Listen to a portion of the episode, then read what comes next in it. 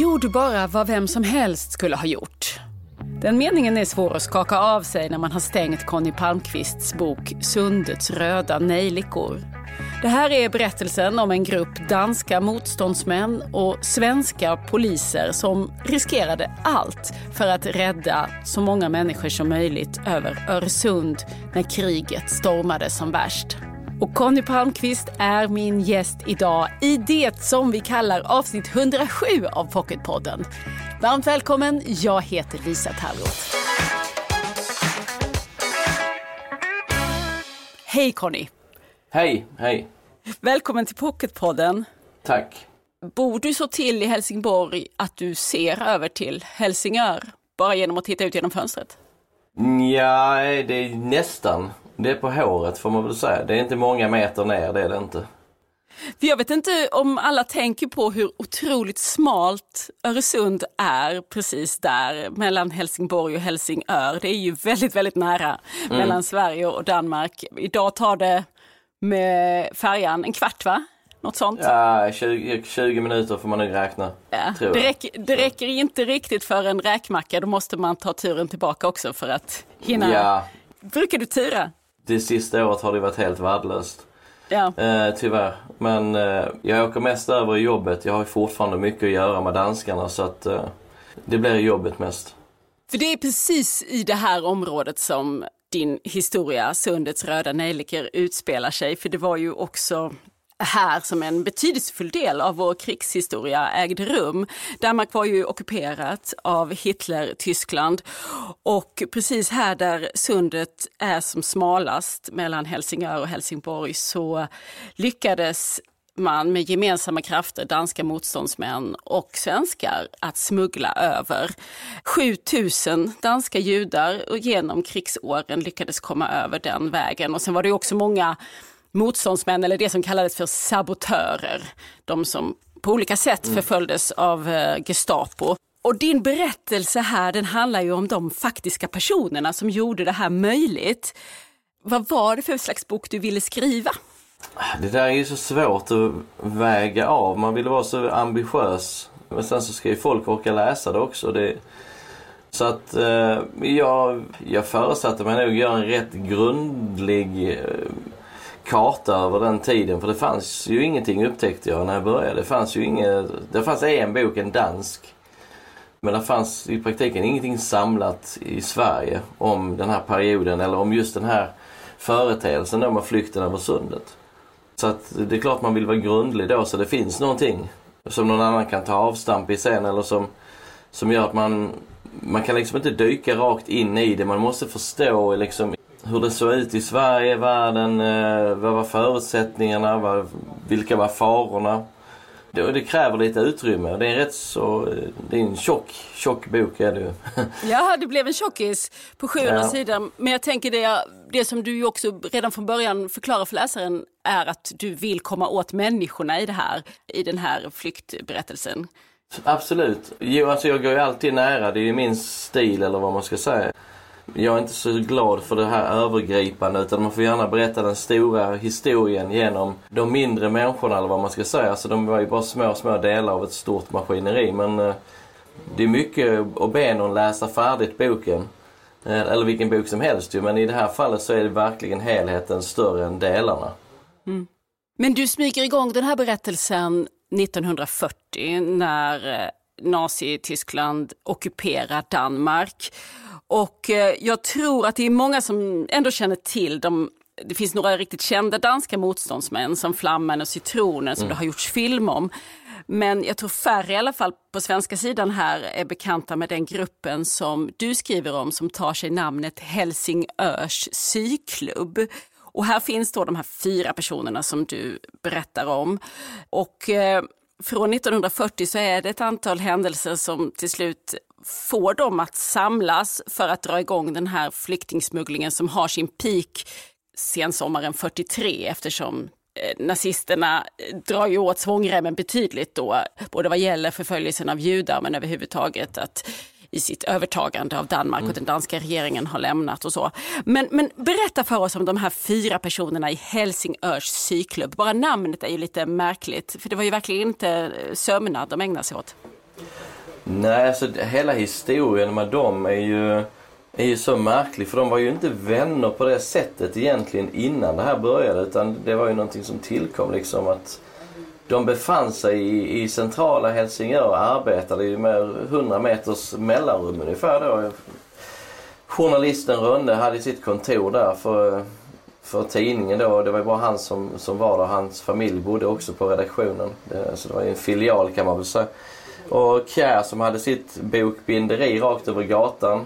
Och sen så polisstationen lite längre bort där, där Brun och Tormod hade sitt. Så de sprang ju på varandra där och de pratade lite på gatan och så efterhand som situationen eskalerade i Danmark att eh, nu är det illa och så.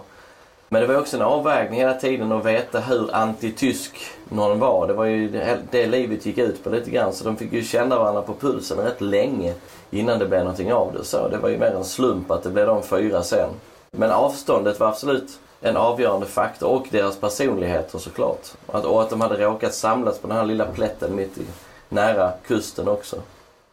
Men under åren här från början av ockupationen så lyfter du ändå fram händelser som kanske kan verka små eller i vissa fall mer dramatiska som tycks putta de här fyra ändå i den här riktningen. Kan du ge ett exempel på någonting sånt där? Ja, så i Tormod Larsen, polis, han som var den polisen. I hans fall var det ju kanske... Alltså han satt ju, ett, ett av hans arbeten innan han kom till Helsingör var att sitta och köra bil i hela kuststräckan från Köpenhamn till Helsingör och så vidare upp mot Gilleleje då. Och stanna alla de så. Man fick ju inte lov att vara ute, det var mörkläggning. Och då på de här passen så visste de aldrig vilken annan polis som skulle hamna med. Då hamnade han ju ofta ibland med danska poliser som var tyskorienterade eller vad man ska säga då. Det här väckte rätt mycket obehag i honom. Sen så efterhand som situationen blev värre sen i Helsingör så var det ju när förföljelsen av judarna började då i oktober. Då hittade de ju döda familjer på stränderna och så som hade tagit livet av sig. Och saker lades på hög helt enkelt. Och till slut så, det var väl ilska. Nu får det fan räcka. Ungefär, det var ungefär så de sa. Plus att det samlades flyende grupper då i Helsingör. Och I deras jobb centralt så såg de ju de här personerna som gick med sina resväskor och inte visste var de skulle bli av någonstans. Och, så man kan väl säga att det första de gjorde var ju att försöka samla alla de här människorna på ett ställe. Göra den här första insatsen som var rätt misslyckad som de gjorde då dramatiska misslyckanden. Men... Men en sak som är intressant som jag tycker man kan eh, stanna upp och tänka lite kring det är ju att det som, som nazisterna lyckas mycket bättre med i övriga Europa, nämligen att slå in den här kilen mellan judar och den övriga befolkningen. Det lyckas man inte riktigt med på samma sätt i Danmark. Även om det ska verkligen sägas att det var ju, fanns ju många medlöpare bland danskarna också. Och efter kriget jag tror jag att du säger att det är en 13 000 som fälls för medlöperi. Men du skriver också att det fanns egentligen ingen judefråga i Danmark. Ja, judefrågan var ju så nazisterna mm. formulerade det. Mm, absolut. De fick ju stora problem i Danmark med just det. för att Eh, judar som hade kommit till Danmark, de hade varit där ganska länge och ofta var helt, hade smält in helt i landet. Det gick inte att urskilja dem helt enkelt och, och, för, och danskarna gjorde heller ingen skillnad själva på det så. så att, vad som hände var ju att när man började med de här aktionerna då, den natten man kom för att skulle samla in alla de danska judarna, det var, det var ju att, att den vanliga dansken eller vad man ska säga, han upplevde ju mer bara att någon kom och tog hans granne. Och hur man än tjatade från tysk sida om det här med judefråga och så såg man ju inte det så som dansk utan man såg ju bara att som sagt att någon, någon tar min granne, så här kan det inte gå till. Så det, där var 7000 judar i, i Danmark vid den tiden ungefär. Och eh, jag tror de fick ihop en runt 300-400 den här natten vilket är ju fruktansvärt uselt resultat med tanke på vad de hade föresatt sig. Men eh, tillbaka till syklubben då, de här fyra och det, det, är ju en motståndsrörelse med förgreningar så det är klart att de var inte bara precis fyra men jag tycker det är intressant ändå för det är inte egentligen så att någon här är så himla engagerad varken i judarna eller i kommunisterna som också var en förföljd grupp utan det handlade om att försvara det danska mm. och där drog man inte de gränserna. Mm, mm är det inte någon slags nyckel ändå att förstå vad, vad det var som fick de här herrarna att, att bli förbannade? Jo, absolut. Det är ett långsamt uppvaknande från dansk sida där man blir mer och mer irriterad. Och motståndet blir ju hårdare och hårdare. Och till slut så faller ju det samarbetet och då, då blir det också Tyskarna börjar skjuta sabotörer, och danska motståndsmän börjar de skjuta. Och I sin tur så börjar ju den danska motståndsrörelsen skjuta danska nazister och tyskar i, i viss mån också. Så, så att eh, ja, det är en punkt där allt börjar hända hösten 43. Efter att ha varit tre ganska lugna år i Danmark. Och det börjar ganska enkelt med en eh, rätt skruttig båt som den bokbindare som eh, visserligen har eh, varit ute i världen och sett sig om men någon sjöman är han ju inte, Erling Kär som Nej. tar på sig rollen som kapten. Hur kunde en, en natt se ut när de smugglade människor över sundet? Det som är intressant med Kjär, som sagt, han, han gjorde det bara för att ingen annan ville göra det. Det har inte spelat någon roll om det var flygplan eller det var en båt. Han hade nog försökt flyga planet också. För att klara sjösjukan så fick han ju ta amfetamin. Eller det var ju det i de här sjösjukepillerna på den tiden. Så han levde ju på det på nätterna. Ofta hade de en uppsamlingsplats. De fick, det var ju många människor i små celler involverade på vägen fram till syklubben. Så att han kom ju från Sverige för att han var ju bosatt i Sverige. Eller han flydde dit rättare sagt och utgick härifrån. Så han kom ju eh, mot kusten och då ska man ju komma ihåg att kuststräckan var ju helt svart i Danmark för det var ju mörkläggning. Och då hade de ju lampor, de som gömde sig på bryggorna. Det var ju gröna, röda, och en blå lampa tror jag som betydde olika saker. Fritt att gå in, eh, vänd om, tyska vakter i närheten och så vidare. Och sen så la han ju till vid bryggan i mörkret och då var det tvungen att gå fort. De sprang om, ombord på båten och, och sen så, ja. Det var ju ingenting att vänta på utan de vände direkt tillbaka till, till Sverige. Och så in i, den, i hamnen i Helsingborg där eh, den svenska militären tog emot flyktingarna. Det var en rätt så typisk runda så men samtidigt Alltså det, det var ju rätt sent på hösten sen, alltså vinter och så. Så att vid ett tillfälle så kunde han ju inte gå in så långt. Utan då fick han stanna rätt så långt ut. Och på stranden då var ju bara en, en stor grupp barn, om det var 12-13 stycken. De var ju från två år uppåt. Den enda identifikationen de hade det var ju att de hade en skylt runt halsen där det stod Helsingborg, Stockholm eh, och så kanske ett namn då var de skulle droppas av sen. Eh, inga föräldrar med utan det var bara barn som hade lämnats kvar i Danmark. Och då vid ett sånt tillfälle fast att det snöade, var december, så fick de ju, då fick de ju vada ut, ja, ut i sina kostymer med barnen i famnen och lämna dem i, i båten och sen så satt Kjär där ute och väntade så, och sen så uh, satt han ju ensam i den här lite större fiskebåten med 12 barn i varierande ålder. Han hade ju inga assistenter och så utan och sen så till, till Sverige med dem då. Och då hände det att de blev beskjutna och på vägen och så. De brydde sig inte om vem som var i båten, tyskarna som hade patrullbåtar och så här. Så det var mycket dramatik, det var ju det. Du det. testade ju på att, eh, du skriver om det, du testade på själv att köra en sån här mm. öppen motorbåt över sundet en mörk kall natt. Mm. Hur var det? Det första som man blev lite chockad över hur lite man ser. Så det var ju fruktansvärt och kallt, framförallt var det kallt. Men eh, det var ganska eh, enkelt ändå. För det man ska komma ihåg med, med honom, det var ju att det var ju eh, ubåtsnät, det var ju fiskenät och det var minor, det var tyska patrullbåtar. Det var viss färjetrafik mellan Sverige och Danmark som gick ändå. Så det var mycket han måste hålla sig undan och hålla koll på fast att han inte såg någonting.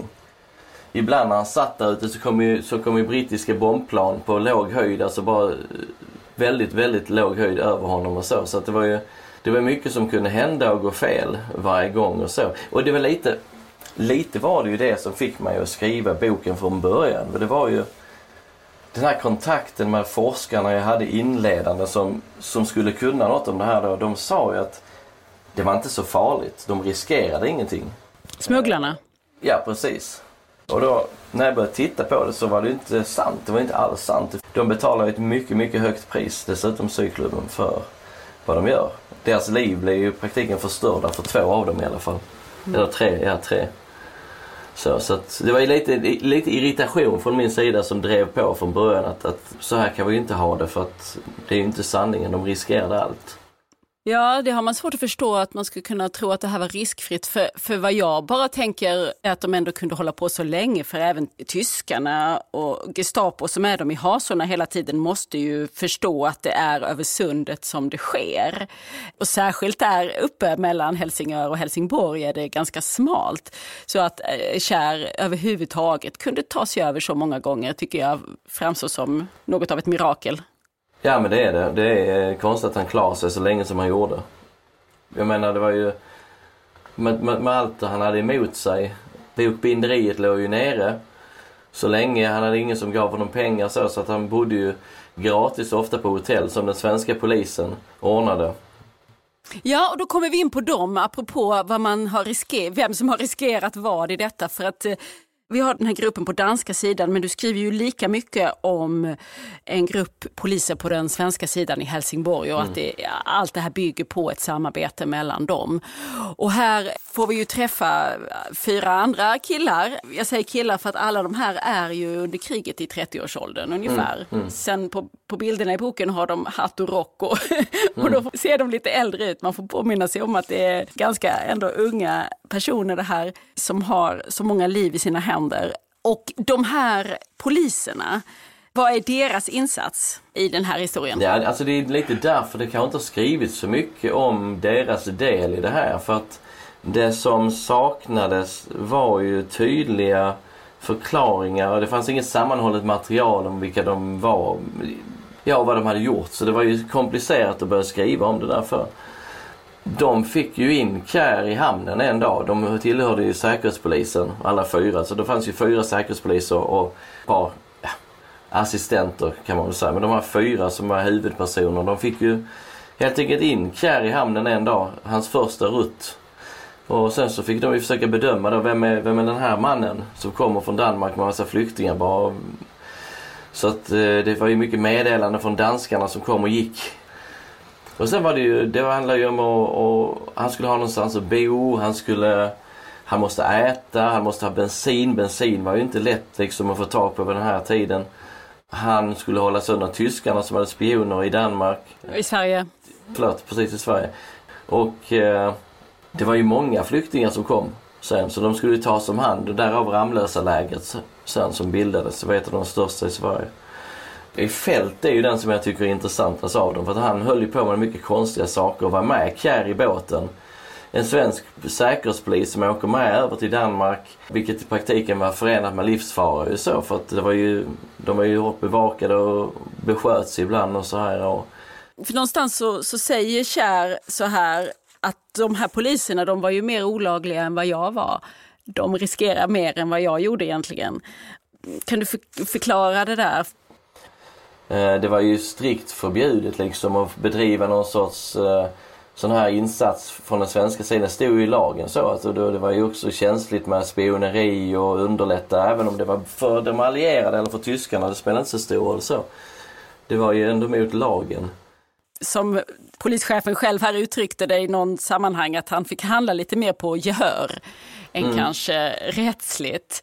Jag kan ju se i Fribergs rapporter i efterhand att han försöker smygande friskriva sig.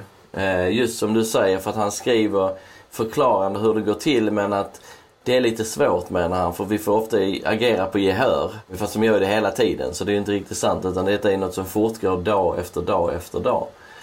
Varför tror du att de gjorde det här, de svenska poliserna? De hade ju kunnat hänvisa till den svenska lagen och sagt tyvärr, mm. här finns inget vi kan göra, ni får vända tillbaka till Danmark. Men det var ju lite samma där. De drevs ju på av, av samma sak som danskarna. Ju värre saker som kom fram i pressen om vad tyskarna höll på med, med läger och så vidare. Ju mer irriterade och upprörda blev de. Och sen så finns det också brytpunkter då när det började drabba de norska, norska judarna och folk skickades därifrån till läger.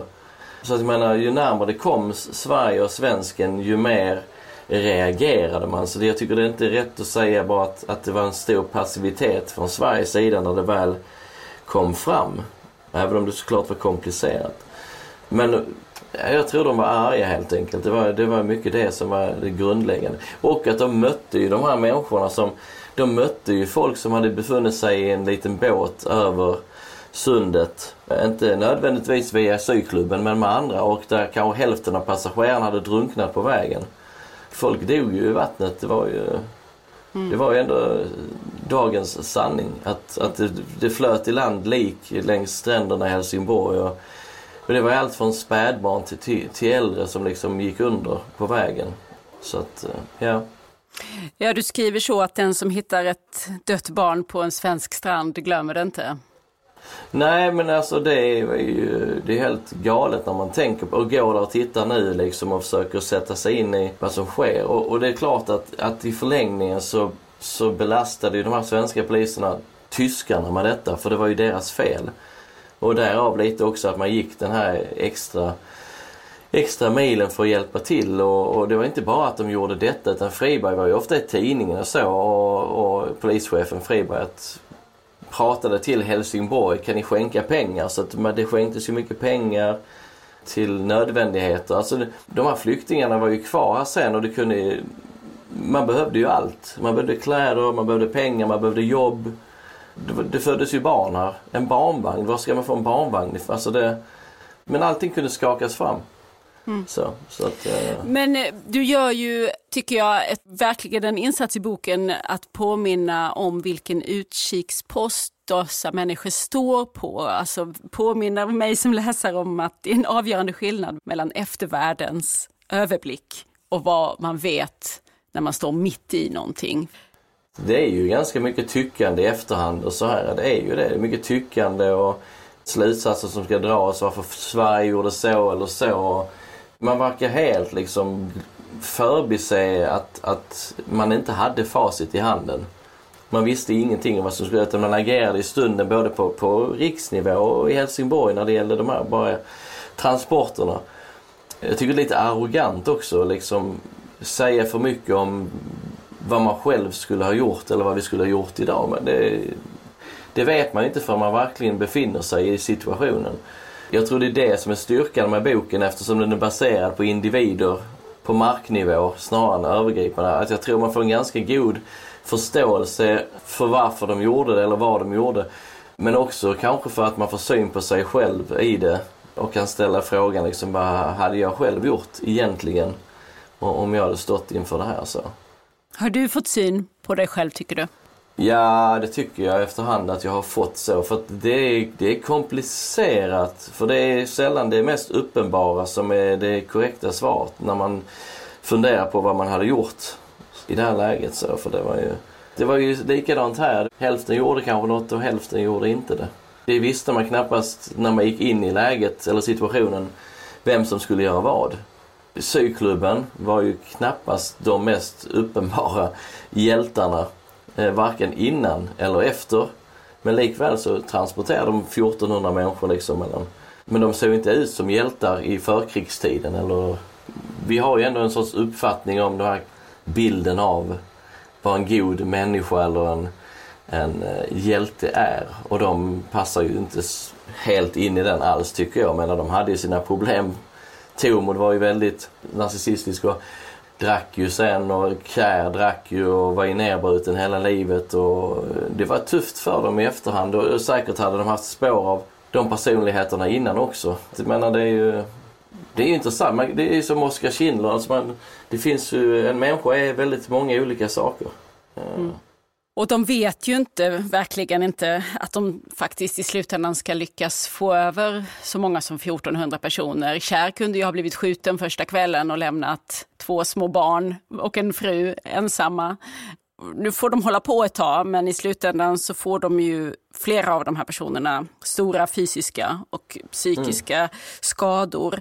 Du har ju känt på en del av det genom att du har, nu finns inte någon av dem i livet ännu, men deras barn och barnbarn och även en del av dem som var barn under kriget finns fortfarande. Och jag tänker om det är något av de där mötena som du bär med dig. Jag har en gissning om att Benny Korsen är en person som mm. gjorde ett stort intryck på dig. För du skriver om honom, han var bara fem år när Erling Kärr räddade honom ja, över sundet. För då hade hans föräldrar flytt hals över huvud ett par månader tidigare och han har varit ensam kvar då hos några vänner. Men han lever fortfarande idag.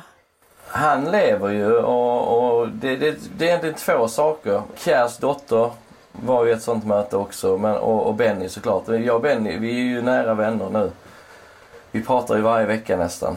Fortfarande. Han är 82 nu eller vad måste han bli? 82, 83. För honom var det här ju någonting han inte hade tänkt på så mycket sedan han var fem år. Så att efterhand som vi avtäckte saker och så fick han ju tillbaka lite av sin historia också och fick syn på sig själv igen och saker som han kanske aldrig hade minns under hela livet fick han plötsligt syn på. För jag hittade en bild till exempel när han står vid en skoltavla i Stockholm som han inte hade sett. Och, och då är han ju fem sex år gammal.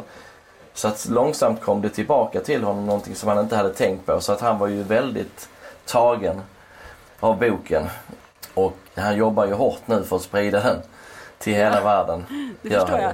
Det var, ju, det var ju, jag googlade honom och det var ju en uh, liten överraskning. Han är ju tydligen producenten bakom Babettes gästabud. Ja, ja det är han ju. Så, så han har han, haft en karriär som ja. filmproducent eh, och då inte vilken film som helst utan denna Oscarsbelönade fantastiska danska film. Han lever ett liv i USA numera. Mm. Men eh, vad har det betytt för dig att du har fått träffa personer som har haft en sån förstahandsupplevelse av krigsåren? Det blir väldigt mycket mer påtagligt och på riktigt. Och, och, och läsa Kjärs bok var ju en sak. Men att träffa hans dotter sen hon var ju fem, sex år då. Hon, och höra henne berätta om hon mindes att de var på restauranger, olika restauranger varje kväll. Men sen så fick de fly hela tiden för de var jagade av Gestapo ju. Hon sa till exempel det att till slut så eh, beställde hon alltid efterrätten först. Och så åt hon den först för att annars kommer de aldrig dit. De var tvungna att springa iväg hela tiden. Och inte heller vika undan för kanske det som inte var så vackert sen det som hände med hennes pappa. För han, var en, han blev ju en svår man liksom. Han hade ju spenderat rätt så lång tid i ett koncentrationsläger. Det satte djupa, djupa spår. Det var ett av de värsta. Så, så. Han var en mycket, mycket sorgsen man resten av livet. Sen han, han hade en fantastisk fru som liksom höll honom på benen och höll honom sysselsatt och tog ut honom i trädgården. Så att han höll tankarna i schack. Mm. Det är en scen från 60-talet när en av de här svenska killarna, han var inte polis, Gunnar Andersson, han skötte en resebyrå där i mm. Helsingborg men han blev, ändå, han blev väldigt inblandad i den här både smugglingen och flyktingmottagandet. Och han eh, har sig sen ett liv eh, genom Rotary, reser han runt och hamnar i Israel. Och där blir han hyllad och igenkänd för sina insatser. Och då skriver du att han blir så förbryllad av de här hyllningarna. Att vi gjorde bara vad vem som helst skulle ha gjort. Han blir nästan lite irriterad över all den här uppmärksamheten. Mm. Och det är en annan kvinna som arbetade för Röda Korset nu under de här åren som i efterhand säger att var snäll och gör inte hjältar av oss. Vi gjorde en medmänsklig insats i vår tid. Vad tänker du om det här att eftervärlden vill göra dem till hjältar och att de själva ställer sig så aviga till det? Alltså eh, Gunnar är ju jätteintressant. För att jag hade ju kommit långt på boken när jag plötsligt blev uppringd av en gemensam bekant som sa att jag har min pappas dagbok här och han nämner alla de här personerna som du skriver om ju. Eh, jag såg i tidningen att du pratade om Kjär och syklubben. Här står en massa om dem, du kanske vill titta på dagboken. Och plötsligt så fick jag en helt annan bild av en person som har stått långt bortom strålkastarljuset hela livet då. En helt annan vinkel på händelserna. Ja, alltså det, är, det är helt fantastiskt. Men som sagt, han, han syntes ju inte hela livet. För att han förstod inte riktigt eh, hur stort det var, det han hade gjort. Och det var ingenting han gick och reflektera kring i vardagen eller så här. Men det dök ändå upp som små spår under hela livet sen. Att som när han blev igenkänd där, det var ju inte han var helt chockad när han kom upp på scenen där och folk började resa sig upp i publiken och, och, och gråta och, och säga, säga att de kände igen honom. Att det var ju du som hjälpte oss i Sverige och räddade oss och så. Mr Gunnar. Han såg inte sig som en hjälte. Han var en affärsman. Han var en vanlig människa. Så, så att jag undrar, det går jag att tänka på jättemycket. Hur han hade sett det nu. Om han hade fått se liksom hela eftersvallet av det som han och de andra gjorde nu som jag nog får fram rätt så bra i boken hur han hade tänkt om det i så fall, om han hade fått syn på det på det sättet, liksom, när man, någon hade summerat det. så tror jag kanske han hade ändrat uppfattning om sig själv lite. Mm. Det tror jag. Men jag funderade också på vad som händer när man pekar ut hjältar och kallar någon för en hjälte. Hylla en insats men när man också då lyfter den till något lite nästan övermänskligt som blir svårt för var och en att leva upp till. Ja, det var ju väldigt viktigt tyckte jag och därför behålla lite av e- just det här efter, alltså svallvågorna. För att det är där man ser att de är människor. Och man ser priset de betalar och det finns verkligen inget övermänskligt med hur de hanterar det eller hur de försöker ta sig igenom det. Alltså Tormod genomled ju sitt liv med enorma smärtor från benet och magen där han blev skjuten och det läkte ju nästan inte. Det gick ju upp fortfarande, genom hela livet så gick det upp det här ärret och Eh, nerverna var skadade i honom men han blev nästan 90 år gammal. Och hanterade speciellt bra, det gjorde han väl inte heller. Men det förringar ju fortfarande då inte vad han gjorde. Hans förklaring är ju så enkel på det här med mod. Varför gjorde ni det så? Och då, då har han ju förenklat ner det till att mod är ju bara att handla i en situation som kräver handling. Det var det enda som gällde. Så enkelt var det. Det är samtidigt det är ganska skönt att se att de här människorna som gjorde extraordinära saker inte var extraordinära utan de var väldigt vanliga. Men de, de eh, reste sig upp från stolen när det krävdes. Mm. De sa ju det hela tiden när man frågar dem i tidningar och så här under 40 år så hur började? Ja, det kunde de aldrig riktigt svara på så liksom. Hur gick det till? Det, det, nej. Det, plötsligt bara var de i en båt liksom så nästan. Så att eh, det, jag tycker det är intressant just det steget från passivitet till eh, opposition eller motstånd. Så. Verkligen. Det är en väldigt intressant historia ur alla perspektiv, både ur de enskilda individerna som vi får komma väldigt nära och du har fina, mycket fina bilder i boken också. Ja, just det. Till det här lite mer makro, vad, vad tänker de egentligen i, i Stockholm? vad tänker de egentligen i krigsledningen i Tyskland? Och, eh, ja. Men du, eh, jaha, och du blev biten alltså? För när jag tittar på vad du ska ha för dig här i framtiden så du kommer ju bara spruta ur dig böcker. Det var, du har ju ja, det är en hel annonserat. Del är Vad är det, fyra, fem böcker nu här de kommande säsongerna? Det är många böcker men det är långa böcker och långa arbeten. Men de har liksom hamnat omlott på något sätt så att ingen av dem har varit speciellt enkel. Men jag har ju följt upp tråden lite grann med syklubben, absolut. Eh, Hur då? Det tycker jag är spännande. Ja, det är två olika saker. Först, här går Patrioten, historien om Jane Horney spionen som blev skjuten utanför Helsingborg under kriget. Och det är ju en bok som kommer påminna rätt mycket om syklubben tidsmässigt men eh, stilmässigt och ämnesmässigt så det är det väl lite annorlunda så. Det är väldigt känsliga saker har jag upptäckt och vi har avtäckt enormt mycket som aldrig varit på tapeten innan. Och hela hennes historia kommer att skrivas om från grunden och upp. Vilket är oj, spännande. Oj. Men jag har aldrig varit så nervös i hela mitt liv tror jag som den här perioden. Jag är inte, jag är inte byggd för sådana här spionsaker som nästlar sig in i vår tid till och med. Gud vad spännande. Men när du, och när du säger att det är känsligt och svårt, är det för att det finns just militära hemligheter? Alltså det är den typen av känsliga ja, ärenden? Absolut, mm. absolut så. Så vi får ju rensa mycket och hålla oss på banan för att inte ställa till för mycket. Eh, så att jag höll på med den och höll på med den i flera år så. Men sen plötsligt så en sommar sen, eller om det var två, så, så hade jag beställt en massa böcker. Och när jag fick böckerna hem så var det en bok för mycket. Jag kommer ihåg att jag satt på altanen och läste i den. Kim Malte Brun, han var då en dansk motståndsman som blev skjuten av tyskarna 1945 i april. 21 år gammal. Och jag hade aldrig hört talas om honom innan. Jättekonstigt. Eh, ah, boken byggde på hans brev till hans flickvän Hanne. En timme senare så kommer min kollega och hämtar mig vi ska till en releasefest i Höganäs. Och när jag är där så kommer författaren på den här releasefesten och säger det är, det är en person som vill prata med dig för att hon har läst det här om syklubben och så att du håller på med det. Och så går jag bort i hörnet så står där en, en gammal, gammal trevlig dam och så säger hon Hej, jag heter Hanne. Det var jag som var Kim Altebruns flickvän.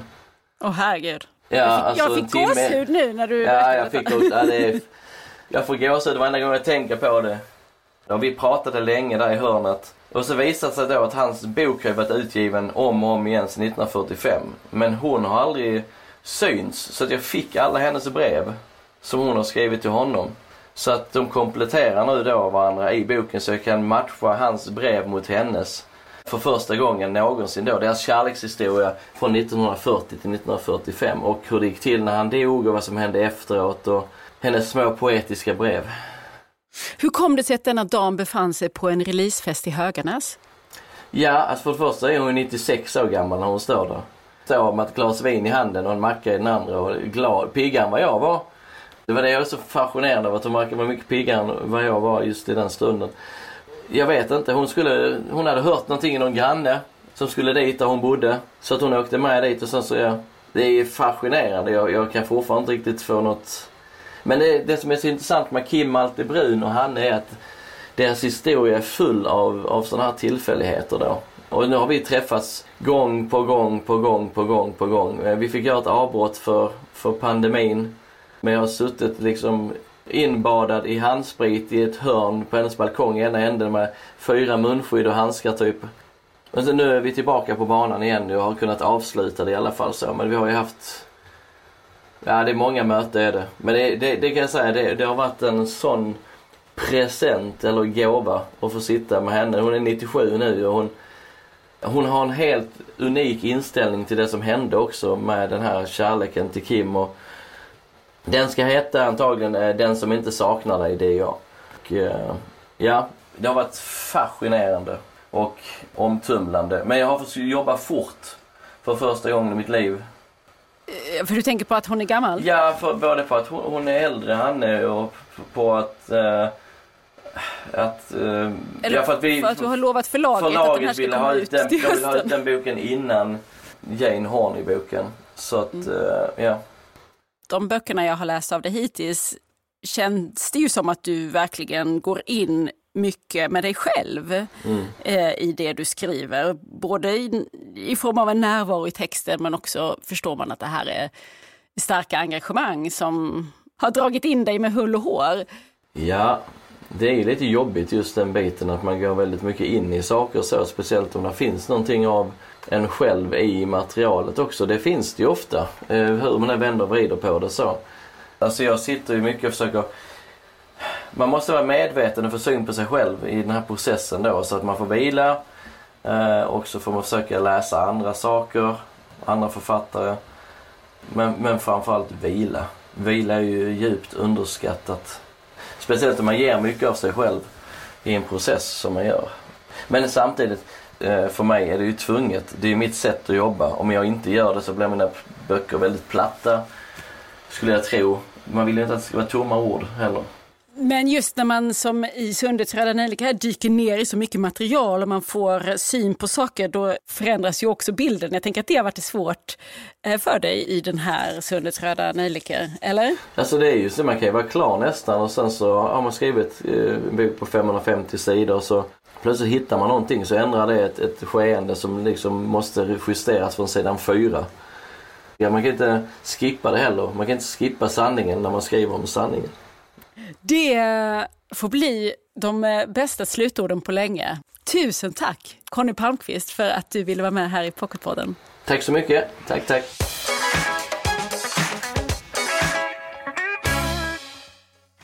Nästa vecka en gäst jag verkligen ser fram emot att få prata med.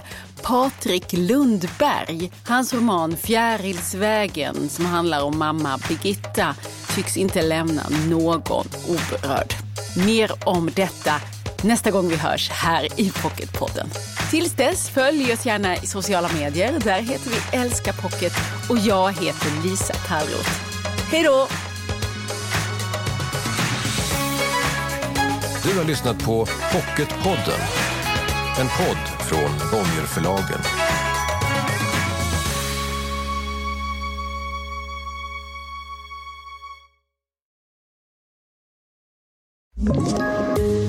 Poddtips från Podplay. I podden Något Kaiko garanterar östgötarna Brutti och jag, Davva, dig en stor dos skratt. Där följer jag pladask för köttätandet igen. Man är lite som en jävla vampyr. Man har fått lite blodsmak och då måste man ha mer. Udda spaningar, fängslande anekdoter och en och annan arg rant. Jag måste ha mitt kaffe på morgonen för annars är jag ingen trevlig människa. Då är du ingen trevlig människa, punkt. Något Kaiko, hör du på Podplay. Därför är gardinerna.